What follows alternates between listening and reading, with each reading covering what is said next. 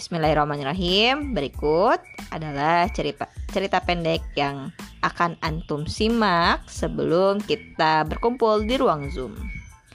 Judulnya adalah Sepenggal Kisah Sholat Jumat Pertama di Tengah Pandemi. Waktu menunjukkan pukul 11.30 ketika warga berduyun-duyun memadati kawasan Masjid Al-Barkah untuk melaksanakan sholat Jumat berjamaah. Momen itu jadi yang pertama setelah sekitar dua bulan masjid tidak menyelenggarakan sholat berjamaah di tengah pandemi virus corona.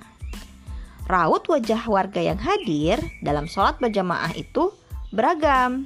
Tak sedikit warga yang tampak sumringah, namun banyak pula yang terlihat khawatir. Ahmad termasuk salah satu jamaah yang hadir dalam sholat Jumat pertama itu. Dari raut wajahnya, nampak kekhawatiran melihat begitu banyak warga yang hadir di Masjid Al-Barkah. Ternyata banyak juga ya yang datang. Mungkin sudah rindu sholat Jumat berjamaah, kata Ahmad. Ahmad datang ke masjid dengan mengenakan baju koko putih dilengkapi kopi hitam dan sarung. Tidak lupa, ia membawa sajadah sendiri dari rumah untuk dipakai saat sholat Jumat.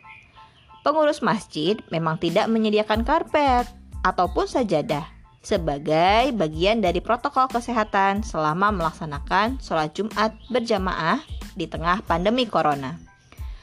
Saf juga dibuat berjarak 1 sampai 2 meter antar tiap jamaah sesuai dengan protokol menjaga jarak. Sebelum sholat Jumat dimulai, imam tidak lagi mengingatkan jamaah untuk merapatkan dan meluruskan saf hal yang biasa sebelumnya dilakukan saat sholat berjamaah. Padahal salat, salah satu bentuk kesempurnaan dalam sholat berjamaah adalah merapatkan saf. Namun, di tengah wabah virus corona, saf yang biasanya dirapatkan malah dilonggarkan. Meski ada saja satu atau dua orang yang tidak sengaja tetap merapatkan saf. Setelah sholat Jumat selesai, Ahmad mengaku sedikit lega karena telah menjalani sholat Jumat berjamaah. Meskipun perasaan khawatir tertular virus masih ada.